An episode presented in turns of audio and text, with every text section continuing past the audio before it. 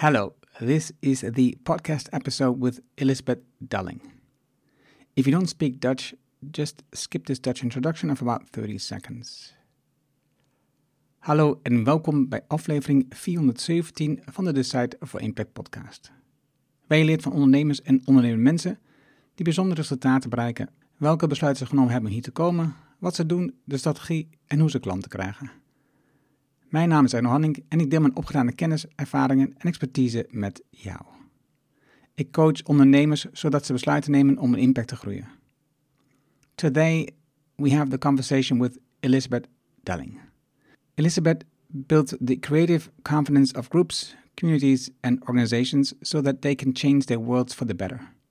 Her experience is in private sector, international development, the Middle East, and Europe includes facilitation of design thinking, serious play, and intercultural competence, as well as evaluation research and reporting on learning and life skills initiatives with UNICEF. Let's get started. Welkom bij Design for Impact, de podcast waarin je leert van ondernemers en experts die een positieve, duurzame bijdrage leveren aan mens en omgeving. Met persoonlijke verhalen die je helpen om impactbesluiten te nemen voor jullie bedrijf. Dan nu, jouw business coach, Engel Halling. Welcome in this new podcast episode. Today I'm talking to Elizabeth Darling. Welcome, Elizabeth. Um, thanks for having me. Nice to be here. I've been connected with you um, via the practitioners, the Inner Development Goals Practitioner Network. Um, we had a short conversation last week or the week before, and I I wanted to talk to you because you know a lot about learning, and also about what you what your work was, what you did. So I'm really interested in, and let's let's first go with these inner development goals. What attracted you to the inner development goals? Um, so it was something that I'd been vaguely aware of, the IDGs. So a friend of mine had mentioned them on and off, I think, over the past year. And I think I was already on the email list, but I hadn't ever actually taken the time to look and to engage. Um, and then the reason I uh, started to get more involved was because the same friend had some free tickets to the online track of the conference in Stockholm, which was lost track three, four weeks ago. Um, so I came along to that. And I think I looked literally printed them off five minutes before the conference and just looking at them then could see that it, it essentially was a map that it goes beyond some things I'm doing, but a lot of the work that I'm already doing was already was on there. Um, particularly if I look at something like design thinking, which is one of the things I'm, I'm involved in facilitating, uh, the, a lot of the key skills that we cultivate through design thinking were already on the map. So I think that made sense. And then the experience of the conference really confirmed that for me that this was a tribe of people who cared about a lot of the same a lot of the same things although the did what i did notice was that a lot of people are connecting it to a much much bigger picture than i am in the sense of global systemic economic issues which aren't so much the things that i work on i think um, I mentioned this before, right, that I have I've been involved in kind of global and regional reporting and evaluation research with UNICEF. So that's obviously big scale, but it's focusing very much just on learning. So in terms of the SDG map, just under SDG four, whereas it was clear that a lot of people involved in the IDGs are thinking much more broadly in terms of the whole SDG map and how the IDG map links with that.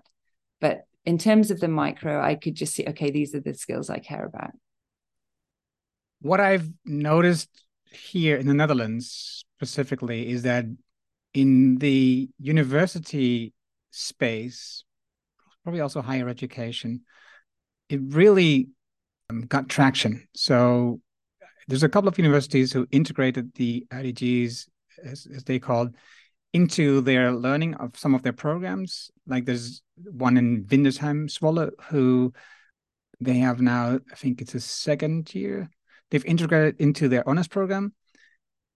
It's really interesting how they have like a journal now and they journal every time uh, after class or they look for uh, meditation. They look for uh, turning within in the being domain with your experience on learning and education why do you think it's picking up so fast in these areas.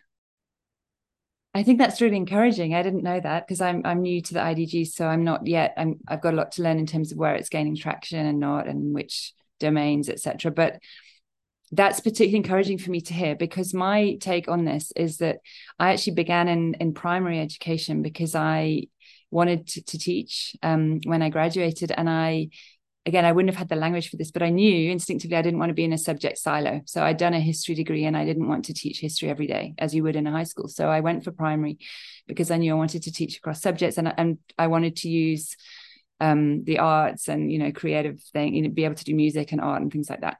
Um, so coming back to your question, I think many in, in many ways that map of the idgs fits very naturally with early years because the education there is very holistic. Like we all know that children learn through play that they that they need to become emotionally literate that they need to you know not just be numerate and and literate but have all these other skills to navigate the world. And then that understanding kind of slips away as we move up through the age group. So it's interesting if you're in a school where it's all on site from the primary through to the secondary, you can often see that. Obviously, it depends on you know the nature of the curriculum and the nature of the school, but generally speaking, a lot of the more um, emotionally engaging activities, the more creative activities, all those more holistic factors of learning tend to drop away and we go up into that to our heads we focus on analysis we focus on I mean, hopefully critical thinking and creative thinking, but very much uh, an emphasis on the intellect, and and even more so then as we go into tertiary education. So that's why it's great to hear if you're saying that it's being picked up at university, because in many ways that of the of the sort of mainstream education from primary, secondary, tertiary, that would be the one where it might be the most difficult to integrate. Um, but it depends on the system. I don't know the Dutch system very well, so I would imagine in some some systems it's easier to absorb it than others, depending on the way things are taught. But if we go back to the old school lecture theatre style of tertiary education, it's going to be very difficult to integrate those things because people essentially aren't activated. They're passive, and then their response and their action is just to write and to think and to argue, but not necessarily to move around this map that the IDGs gives us tomorrow we have the local meetup in my area. Mm-hmm. And I've invited a professor from another university, um, Saxion and. And he is on the, he has two topics where where he's been uh, teaching and also his, uh, what is it, lectorate, I think it's called. It's brain and technology. Okay. And so that's I think it's first of all already a really interesting topic to have a conversation. And I had a conversation with him on the podcast too, but I you know I yeah. invited him to speak on this. But now he mm-hmm. has also applied for a grant for Saxion for the university to mm-hmm. integrate the inner development returning inner for students um, starting next year. And he has called it from SDG to IDG to SDG. So the idea is the IDGs came, of course, um, if you know the story, from mm-hmm. the idea that SDGs are not going, the sustainable development are not going fast enough. So we need to start with inner work before we can start with the external work. And then yeah. once you've done it, of course, you go back to the external work and to make a change. So that's the idea of SDG to IDG to SDG. Right. Yeah. And I've, I've, I really love this topic. So I, I've invited him to come and, and invited schools in my area, but it's I, I was hoping for more for more attendees, but it's a it's the way it is, and I, I am okay with that. So even if there's like six people and we have a great time with six people, and these people mm-hmm. learn from him and think about how they can implement in their school, we have won. I mean, we have, mm-hmm. we're pushing with the next step, so that's okay. Yeah. So what I see is really what you said the, the moving to the brain that was that was what was happening in the past it's still of course going on. But now we see that the, the, the, more freedom students are getting to really determine what do i want to learn? What is mm-hmm. it that i really want to accomplish with my education? Instead of just so here's the curriculum you have to follow it and just do. Instead of and then no I, what is it you really want to learn? What are the practical things you want to learn? And what companies you want to go to to study so i think it's it's really interesting this part that i like a lot mm-hmm. There was one thing because I always go through LinkedIn, and this time you're going to build a website of your work, so but it's not there yet. So the mm-hmm. the only place I can really look for your information was LinkedIn. So and there's one interesting part that I love a lot on your LinkedIn resume is that you had a a pause, I could say, maybe from your career, not from your life, of course, but from yeah. your career to be a mom, and I I think it's wonderful. Um, also that you just put it on there. But you also did a lot of things in that time. What did you learn specifically, not specifically from your family, but what did you learn specifically in that in that career break? Mm, that's a great question. So I think I learned the importance of community, definitely. Um, so making a decision like that to take a, a break from the workplace uh, is a big one. And I remember, I think it was a struggle for maybe the first year, 18 months. That was a big shift to no longer have my identity, my work identity, right? To walk away from that for a while. And I think it can be very lonely. And I think therefore it's so important to have community. And I was very fortunate to have that, you know, just to have, you know, a peer group who had made similar decisions and were taking a break or slowing down to be with their children over that period. Um, I think in some ways that's easier because we happen to also be expatriates at that time. So in that in that window, um, which was basically 10 years out of the workplace in, in, terms of paid work, but only probably five years off and then four or five years doing a master's very slowly, which was the way I kind of warmed back up to the workplace. But because we were in that particular demographic, it was easier in many ways, I think, because there were other internationals around in a similar situation who had chosen to be with their kids and therefore were available and we could we could really do it together um, so i think that's that's one of the first things i learned um, i'm just trying to remember the specifics so swaziland now eswatini um, and namibia and sierra leone so those were the, the countries that we were in over that period um, I, I, think it's a great privilege for a start. I think it's important to say that. I think um, it's not always possible, and I think there are a lot of people who might have made that choice who don't necessarily get to do it. So I, I do think that's the first. I was very aware of that. Um, it was something I wanted. We both decided that's what you know we wanted to do. So I think it's a privilege to do it, um, and also to be able to learn. So I really enjoyed doing the masters and not having to juggle as most people have to do with a full-time job at the same time. Um, so that worked really well, and it complemented, I guess, what you'd call the hard work and the practical work of parenting um, to kind of keep keep the brain work going or you know reactivate it um, I think another thing I learned, which which is relevant for me now as I get a bit more involved in coaching, is that it can have a big cost in terms of confidence into in the professional world. So taking a break like that, you you know you come off the treadmill, you come off the kind of natural flow of growth that you would have in the workplace, and I think it can be a challenge to go back. Um, for me, the master's really helped with that because I loved what I was doing. I, that was in educational and social research, but specifically, I focused on creativity in my dissertation, which actually then has informed everything I've done since. So it was a real turning point, which again, I may not have stumbled on if I hadn't had the privilege of studying at that point. So, um, I think the confidence is a big one, and I have met quite a few people since then who've who've talked about that in the same way that it's it's it can be hard to go back and then i think that's where you know some things i've learned through design thinking particularly can be really helpful because the emphasis is on you know experimentation and exploration and trying things and not being the expert and the beginner's mind and all these uh, essentially cultivating creative confidence is what i've realized is is my main interest so it's interesting that that came out of an experience that that you know knocked my professional confidence for a while yeah uh, mm. just to be clear, um, I said I love it, um, mm. And and and said since you're a mom, but it, mm.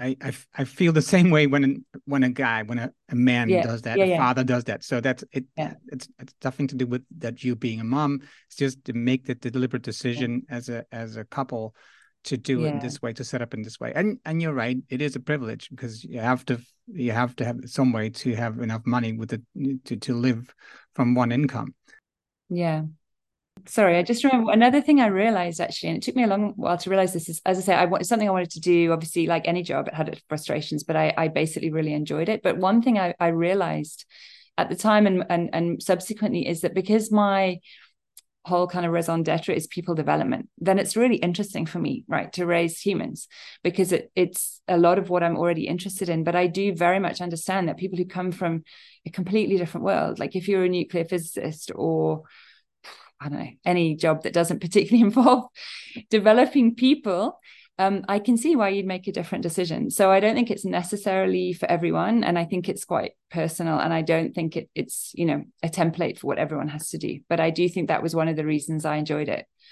But it took me a while to kind of make that that connection. Yeah.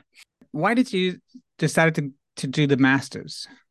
Firstly, practical reasons. So we were in the kind of UN world. My husband at that point, he, he was was a UN staff member. He works in child protection, and what seemed like a logical step for me to do next was to get involved in that world because there's quite a lot of obstacles often as an accompanying partner in terms of the local economy whether it's your visa status whether it's the languages so it made sense and i was very interested to be involved in that world but having a master's is is essential really for any consulting roles with the UN and it was something I had never done. It, it wasn't, again, this might be just a distinctive feature of the UK education system, which may have changed. It wasn't emphasized at all when I did my first degree. And pretty much it was the people who couldn't decide what to do next who did a master. most of us, you know, most people went straight into the workplace. So it was something I'd never done. And it just seemed a really good way to, as I said, warm back up for the workplace, build my confidence again and and and get some clarity in terms of what exactly I wanted to contribute. I knew that my background had been a combination of education and then intercultural training in, in the private sector. So I knew that people development would be the theme, but it it gave me the space and time to clarify exactly what I wanted to do when I went back to work. Yeah. What is it that attracts you so much in people development? I think it's potential and untapped potential and and that um, sense that there's there's so much more to a person that meets the eye and, and also that our environments I mean, some of this I've learned subsequently and, you know, on the master's, master's through delving deeper, but particularly thinking about it through the lens of creativity, there's a lot of ways that our potential is shut down by our environments, whether that's a conventional education system. Um, and, and, this is no disrespect to teachers having done the job. I think it's a it's a really tough job, and I, I have a lot of respect for teachers. But there's all sorts of factors in an industrial model of education that weigh against fulfilling people's creative potential. And and again in the workplace right? As we know i think some of that was touched on in the idg conference. So i think that's the appeal for me is seeing pretty much in every person that there's a lot of potential that has been either untapped or actively squashed by the systems that they've been in. And i and i enjoy creating environments to open that up again um, i mean there's there's some interesting metrics, for example, of the number of questions, you may have heard this before, the number of questions we ask. So a four or five year old, I'm not going to be able to remember the statistic. I think it might be an average of 100 a day, which is obviously a kind of index of curiosity and, and critical thinking that, and that literally tanks, you know, it's a linear graph down to 18. So that's just one example. Um, and so I think for me, the appeal is putting that process into reverse um, and putting people back in touch with the creative confidence that most of us had as a four five year old. One of the very simple things I often do is to get people in a workshop to draw the person next to them, which brings up all sorts of you know fears and oh i'm so sorry i'm not an artist this is a disaster this is terrible i can't show you. And then just ask them you know what did we hear from you all and why are we hearing that? And how do you think it's different if we ask a bunch of five year olds and people get it immediately they say well they'll just do it because they're all artists they don't care so, you know, it's a very simple way of showing people the way that their creative confidence has been knocked um, or eroded by, you know, these different systems that, that we've been in. So I think that's the real appeal for me is digging that back up. It's almost like I did history, but I see it a bit as archaeological work, you know, digging, digging that stuff back up. So, mm. what do you do yourself to increase your creative confidence? I think that's really been informed by what I've learned, particularly about uh, in, in, in design thinking. Is I think a lot in terms of head, heart, and hands, both when I design any sort of learning experience and and again in my own life. And I think for me, the key to building creative confidence is keeping those three in motion. Um, so I think I have a predisposition to reflect and also to to feel. You know, I'm quite emotionally orientated, but I'm not always. I wasn't historically action orientated as much as I would have liked, and I think for me that's the the key piece that I've learned and that I'm very aware of applying is to keep the action going, not to reflect too much analyze too much we uh, those those processes are really useful and and any creative process includes them but i think one of the key insights of design thinking that i try to apply is that we learn by getting feedback from the world. So that's from other humans out in the world by trying something. Try stuff is one of the mantras. Um, so the power of experimentation um, a willingness to make mistakes or to to even not frame things as mistakes you know but to learn through doing and through trying. Um, so i think that's one of the key insights that i apply more than i would have done if i hadn't kind of been exposed to this whole like body of thought and action that is and it's not just design thinking but i think that's probably when, when i did the lit review for my masters on which was really about the intersection between creativity and learning that was the piece that really stuck out to me as being more practical. Well easier to explain easier to facilitate and easier to apply. And really reclaiming those kind of creative behaviors as something that's essential to being human rather than something that's for the special people with the magic dust who sit you know in the corner looking arty and being graphic designers or whatever we think of you know capital c creatives that that's actually something that's in our dna all of us um, and i find design thinking is a, a very practical way to reignite that. Yeah. I'm thinking of Leonardo da Vinci now. I'm mm-hmm. not sure exactly why, but this just image came yeah. up with me, right? So I can imagine, but I'm just testing this with you and to give me feedback yeah. is that because of the the way that people learned in those days by being like apprentices and doing the actual work, uh, doing the analysis of of the works of others, sculpturing and that that that's really helped people like him to become these great artists in various materials i would say mm-hmm. Yeah the way that we've specialized in the industrialized world leaves little space for us to do this what would you do to bring this back to bring this creative part back to well young people in uh, while, while they're studying and young i would say anybody also when you left school like a young professional yeah. as well because yeah. i think it the time is uh, longer when we yeah I, I, mean i think it, it's just and again i think systems vary a lot. I think the netherlands may be much stronger at this actually than the uk because you have a am i right? You have a whole vocational track which is very strong from quite early on similar to germany. I'm not sure. I don't know the detail but i i think one of the first things to say is to value practical work as much as intellectual work. Um, I think that's one of the things that I find a shame is how intellectual work and knowledge work is privileged above other things often in systems, and I think that's a mistake. Um, but I think from from even the secondary school, high school age, that's something that's very important to explain to young people and encourage them to do is to get experience in the real world of actually go and help someone, go and observe someone, go and try something out rather than assuming that just because it sounds interesting or because it's prestigious or because it earns well, you know, all the, the the classic reasons why kids pick jobs or pick subjects that actually it's so important to try it and to see whether you actually enjoy the activity of the work. So um and obviously practically that's things like you know job shadowing work experience a, lot of those already happen but i think they happen it's very nominal often i mean it might be a day a day of your high school career. I think it was a week of my high school career. Um, and it's not enough to really experiment. And, and it didn't it wasn't accompanied by for example interview doing an empathy interview with the person who does that job to really understand it. You know what is your typical day? What do you love most about this work? What do you hate about it? What do you wish you'd known when you were my age? You know those kinds of questions i think i would have really loved to have known about. And I actually did a work experience in accountancy as a, a 14, 15 year old because I was good at maths, but absolutely hated it.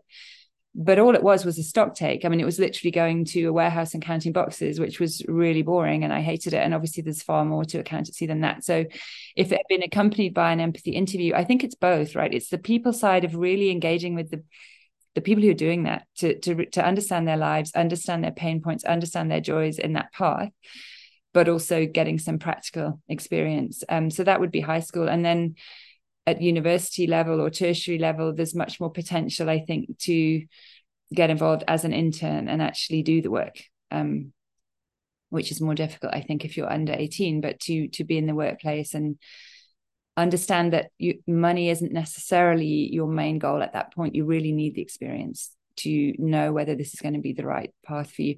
But i think the other thing also and this is again comes from design thinking or particularly from designing your life which came from stanford um, Bill Burnett and Dave Evans applied design thinking to this process of wayfinding initially for Stanford undergrads, and then it's since you know expanded to to cover just about everybody.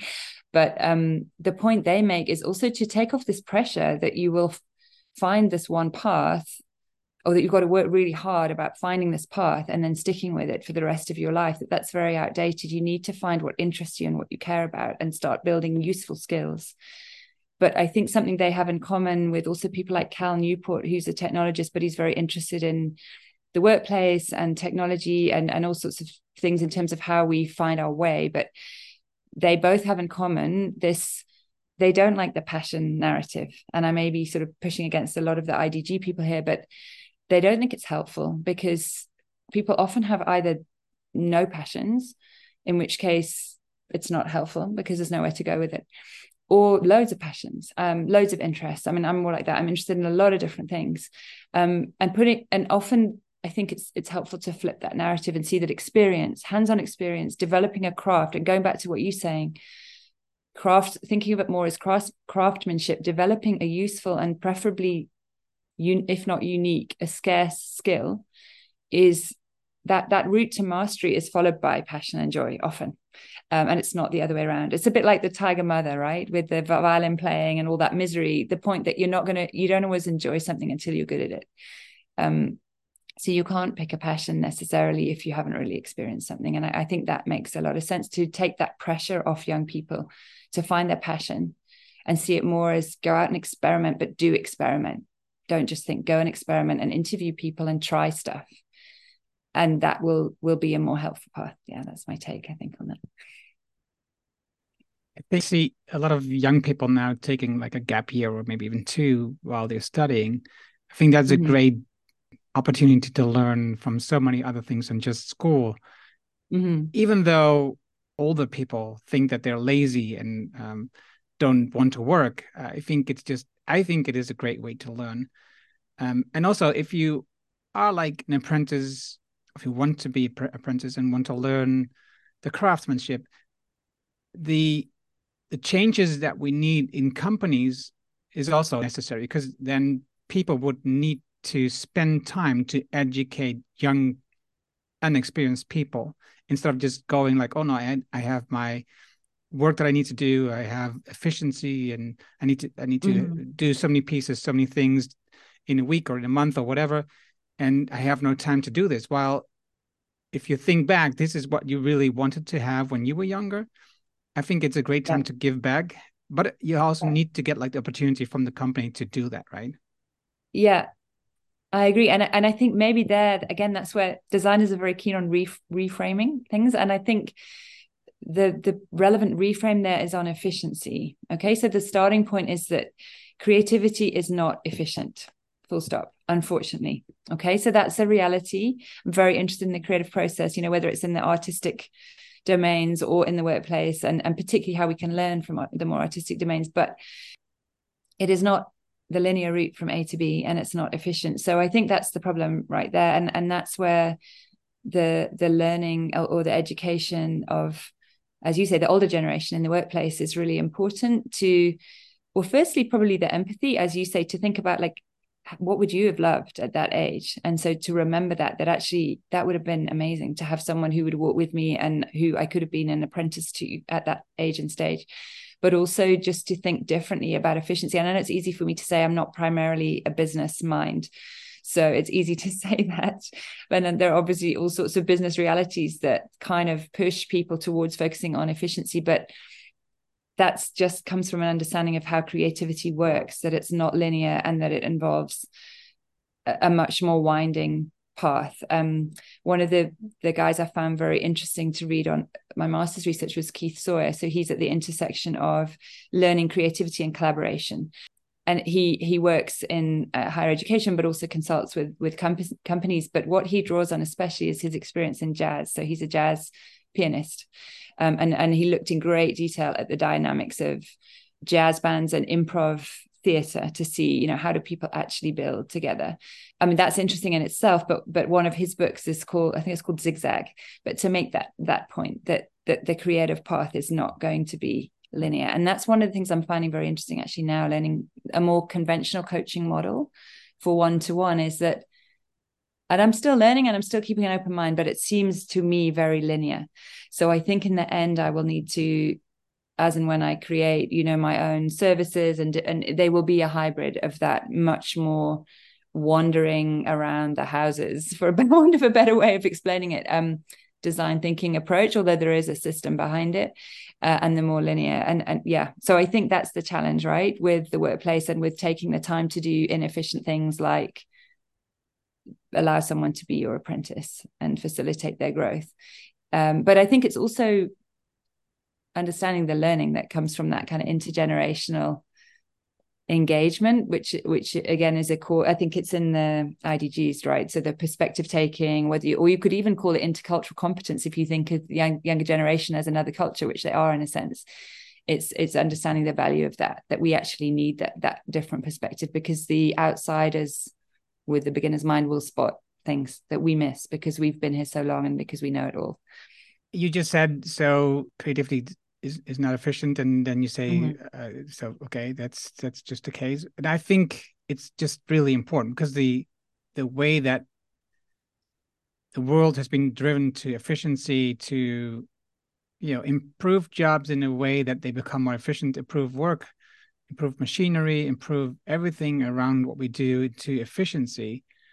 At the same time we see that i'm not saying there's a correlation but at the same time we see that people just get unhappier and unhappier. Mm-hmm.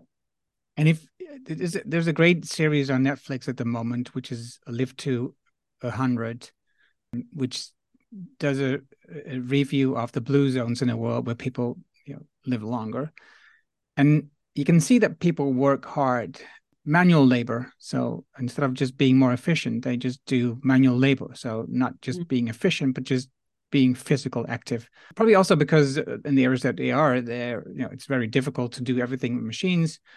Um, but also that's the way that it grew up. And what you see is that they work just specific times of the day, and then they also have a lot of time to relax, to spend time with family and friends, to do dancing, have conversations. Not efficient at all, I would say.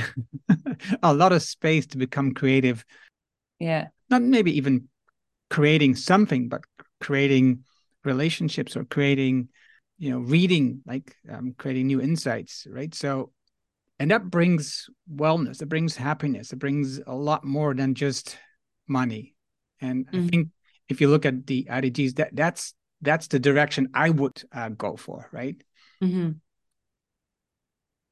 if you look at your coaching work that you're working on, mm-hmm. how would you integrate the inner development goals with that? I think, uh, as I said, I'm I'm kind of withholding judgment right now in terms of this more linear process that I'm learning. Um, so firstly, it's much more linear, and secondly, it's much smaller scale because it's one to one. I mean, that's the primary focus is one to one, the conventional coaching relationship. Although I think they will address group coaching later. So I think for me, that will be the first thing that I need to tweak is to I think it will depend partly on the person, right? So I do think some people actually do want a more linear experience. So I think it, it will vary, but I I think generally speaking, we need to integrate more exploration. For example, unearthing values, which is really important to coaching. I think it's very difficult for some if you just ask them, what are your top 10 values? Even if you provide a list, you know, it's it's possible but it's it's it's quite difficult to unearth those things and i think they come out much more effectively through things like storytelling so scaffolding experiences that enable people to tell stories of people who inspired them, people who had a big impact on their life, and then unpick, you know, what exactly was happening there. What was it about that person that resonated with you, that inspired you? What values did they represent for you? You know, those kinds of activities, they're time consuming.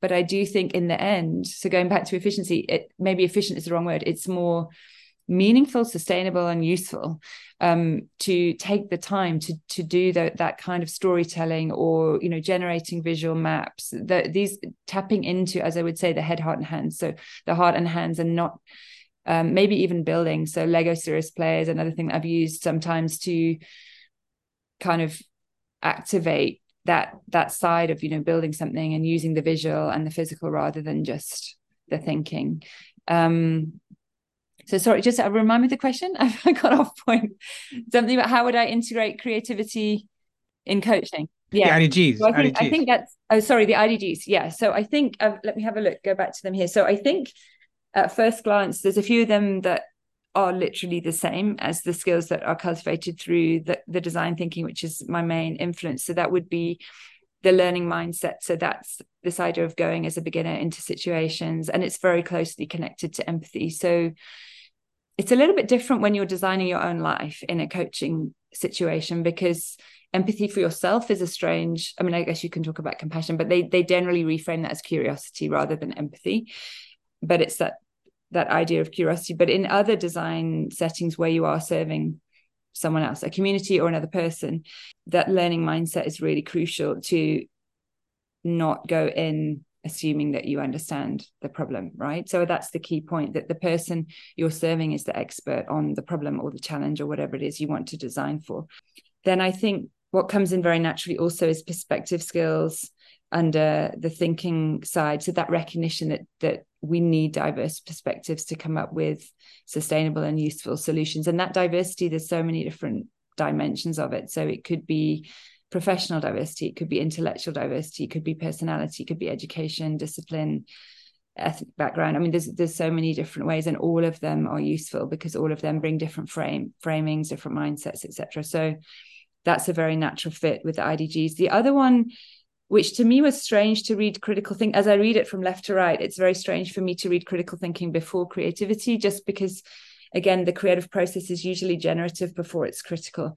So it feels a bit backwards but it's just the way obviously it's framed here is the critical thinking is a really key part of the creative process. And i think that's often misunderstood. We can associate creativity with the generative part the blue sky thinking the out the box but actually none of that is going to be useful particularly with a, a change making focus unless we evaluate it and work out okay we've done that part we've withheld judgment and we've done the crazy stuff. And now we actually do need to judge. We need to evaluate what's going to be useful here. And then we need to go experiment. So i think that's that's key. In fact that's pretty much 50% of the creative process. And then um, under the relationship part empathy and compassion i don't think we talk as much about compassion um, in the sort of design narrative but i think it's implied by empathy, right? Understanding, like walking in the shoes of the people with whom you're trying to design a change. That's key. And again, going back to them being the expert around the challenge. Uh, and then co-creation, that would be, you know, a very natural fit with what what I'm already doing in terms of the collaboration. So just the the recognition that coming as an outsider, whether that's as a teacher or a coach or a consultant or whatever that might be, but the the solution or the change i think probably change is more helpful than solution in the kind of context that i'm in but the, the change absolutely needs to be co-created with the people who um, want to make the change. And trust i linked up trust there. I think again that's that's key right? Because co-creation can't happen without trust. If if people don't if they think it's just lip service or we just kind of asking them questions to tick a box which can happen and i've seen that happen then it's it's not really co-creation right? So th- there needs to be the trust is built by a genuine understanding by everyone around the table that that we need to do this together. And then creativity is the big one right in the action. So for me it's strange to see it at the end but i mean i suppose that's the, that's the end game for me. But the creative thinking possibly i feel is missing under the thinking part right? Because to me that's always hand in hand with critical. You need both Well, there's a one question questionnaire that you can add uh, skills that you think are missing. So maybe creative thinking as opposed to creativity, because it's part of, I mean, creativity is the result, right? Bringing something new and useful to the world, I think is the definition in most places. But actually, yeah, it's just as important. To me, it seems odd to have the critical thinking without the creative part because they need to be in balance yeah and then some of them i'm you know less less familiar with or i emphasize less but that's i think something i'm interested to do now see how people are using them yeah and, and which ones to focus on i see that you've been working with unicef for mm-hmm. a number of projects as a freelance yeah. and you talk about having an open mindset and learning from the people that you um, working with co-creating with mm-hmm. and you've been to all these various areas to do the work for unicef how do you feel about? I I don't know exactly what UNICEF is doing, so but how do you feel about that? Is UNICEF going into an area and looking at the situations and maybe give advice from a Western kind of perspective, or am I just completely wrong here? I think the main framework that UNICEF uses what they call a human rights based perspective. So whether that's Western, I mean, yeah i don't know actually. That's an interesting question. Like is it so is a human rights lens which is what they that's the probably dominant lens to which all their work is seen. I don't know if that's western um, or if that's just human. Yeah it's an interesting one. I think i would need to do more research myself in terms of the evolution of a human rights based approach but that's that's the the kind of touchstone that they refer to the most. And with that obviously education and life skills is the area i'm most familiar with what that means in practice is things like um, ensuring equitable access. But actually, there's three main pillars. So, equitable access is the first, because if you're not accessing education, then then its quality or anything else is irrelevant. So access is the first. Um, quality. So is it actually developing the kind of skills that are needed in the workplace? And I think that that is there is an understanding that that's also culture specific and there is an, a, an effort always to um, contextualize any initiative.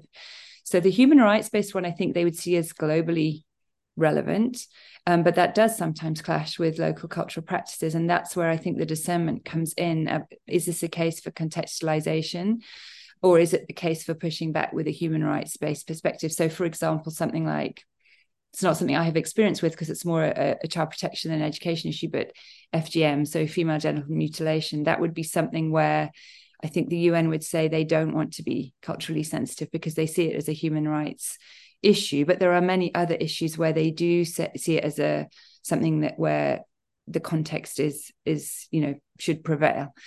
And then the third kind of pillar um, in education, but also across their work is what's called system strengthening or systems building. So that, again, I think is relevant to your question because the UNICEF model, and and I speak as an outsider, but obviously working um, for many years alongside um, UNICEF employees, but their model is to work hand in hand with government. So the government um, and other civil society partners and other UN partners, but above all, kind of in tandem with government. So to collaborate with them, to learn from them, to learn with them, to build capacity where where that's relevant.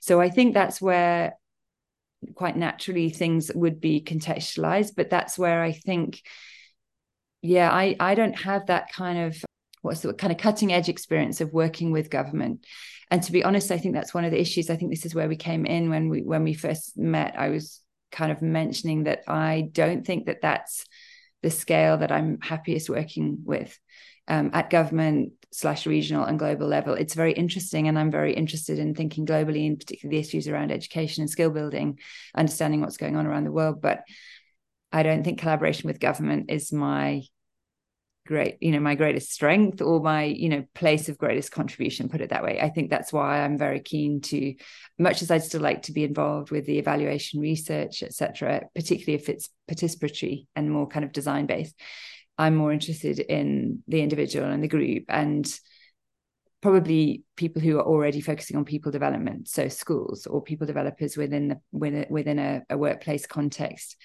which isn't necessarily the focus of a government a government counterpart. So I'm not sure if I've answered your your question, but I, I, think it's it's both basically, right? So there are some global lenses and some non-negotiables from the UNICEF perspective in terms of human rights and equity and depending on the context, for example, the rights of girls to education.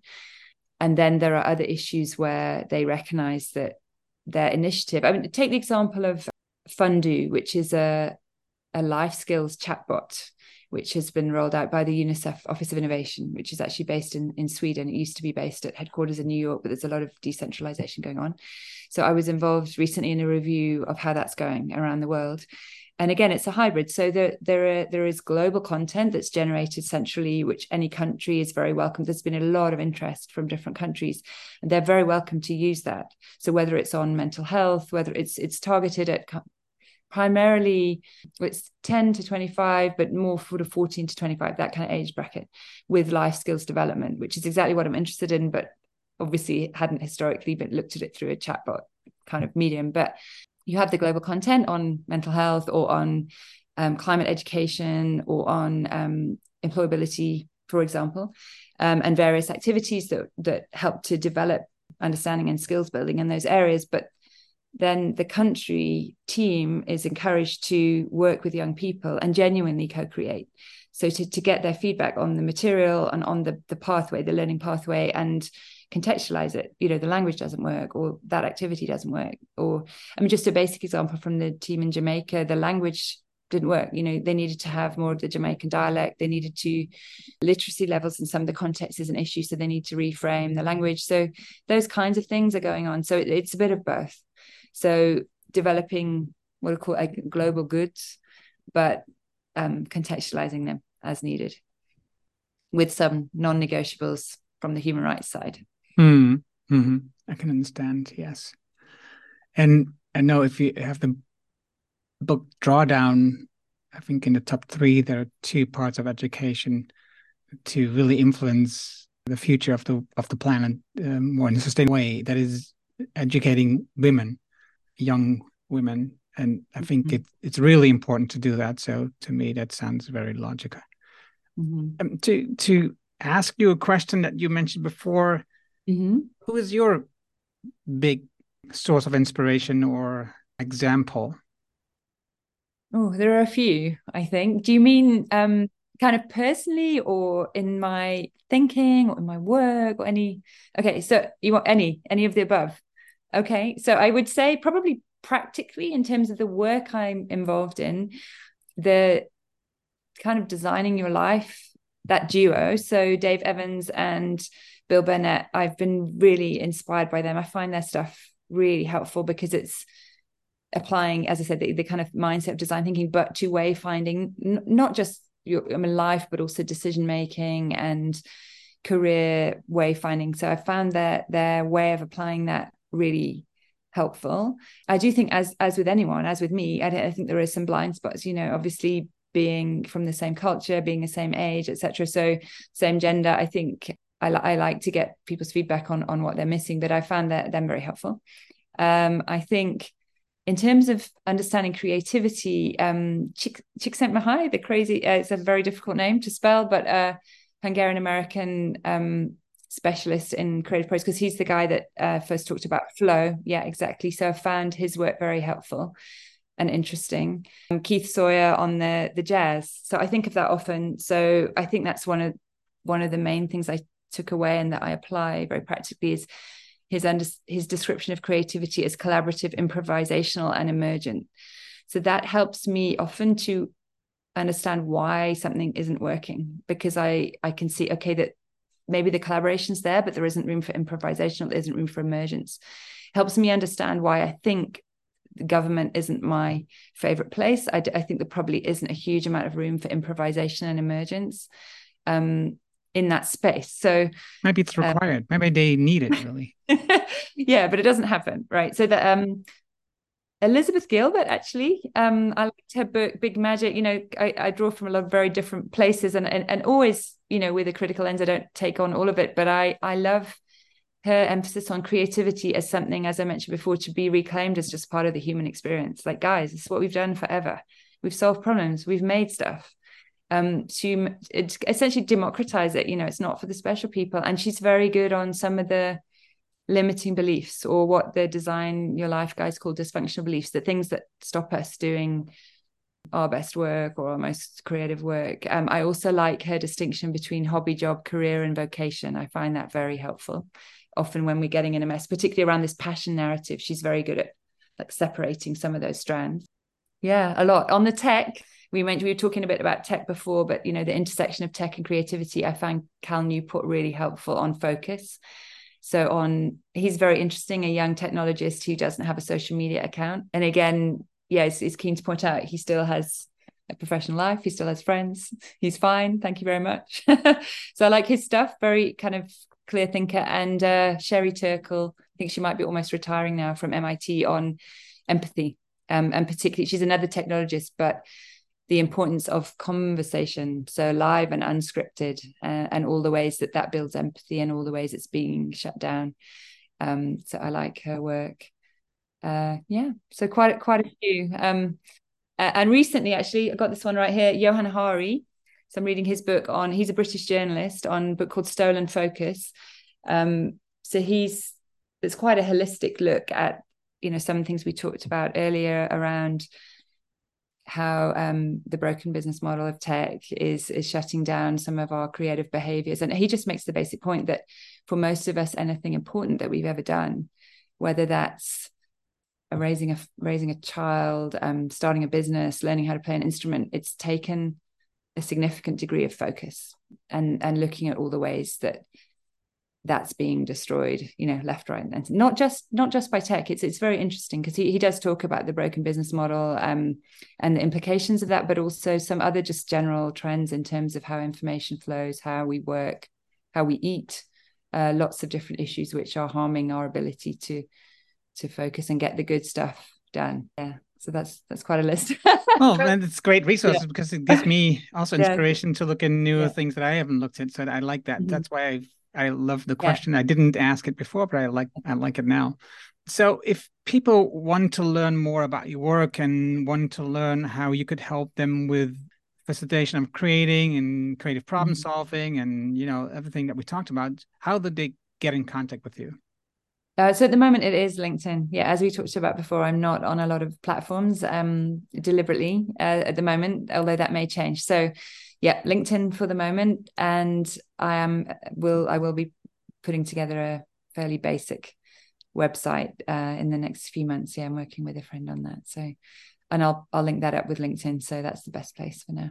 Yeah. So I'm going to put the link of LinkedIn of your LinkedIn profile on the episode in the notes so that people can directly click to it. Thank you very much, Elizabeth, mm-hmm. for this nice conversation and learning about you know your experience, but also the ideas of creativity and about let's get back to experimenting and finding ways to experiment into a new life, maybe even right designing your yeah, life. Exactly. I yeah, think, you got it. I think it's really interesting yeah. to learn and also i like the part about creative confidence mm-hmm. in in relationship what you mentioned there before was when you you know get out of the career treadmill that you also lose a lot of those confidence that came with the uh, the business card or the title right so yeah thank you very much thank you i know it's been great i really enjoyed it thanks for inviting me dat was het mooie gesprek met Elizabeth. Je vindt de namen en links die we noemden in het artikel dat bij deze uitzending hoort. Ga daarvoor naar decideforimpact.com slash show 417. Wil je vanzelf automatisch de volgende aflevering op je telefoon ontvangen? Dat kan heel eenvoudig. Heb je een iPhone, dan zit daar standaard de Apple Podcast app op. Open deze app, zoek daar de Decide for Impact podcast op en klik op abonneer. Heb je een Android-telefoon, installeer dan eerst bijvoorbeeld de Player FM app. Open deze app, zoek dan de Decide for Impact podcast op en klik op abonneer. Dankjewel hiervoor. Heb je vragen, opmerkingen, reacties over deze aflevering met Elizabeth of over de podcast in het algemeen? Stuur dan een e-mail naar podcast@decideforimpact.com. Ik hoor super graag van jou. Wil je leren hoe je focus en energie vindt met jouw innerlijke kompas? Hoe verbinding in je team het verschil maakt? Hoe je vertrouwen krijgt in je collega's en hoe je een moedig mens wordt? Download dan het boek Impact Besluiten waarmee je nieuwe medewerkers aantrekt op decide4impact.com. Dit is mijn nieuwste boek en je downloadt het daarom helemaal gratis. Je hebt zelfs geen e-mailadres nodig. Vraag jouw boek nu aan op decideforimpact.com. Ik weet, je hebt een volle agenda, je leest het in één avond tijd. Dankjewel voor het luisteren en graag tot de volgende. Dankjewel voor het luisteren naar deze aflevering van de Decide for Impact podcast. Ga voor jouw volgende stap naar decideforimpact.com.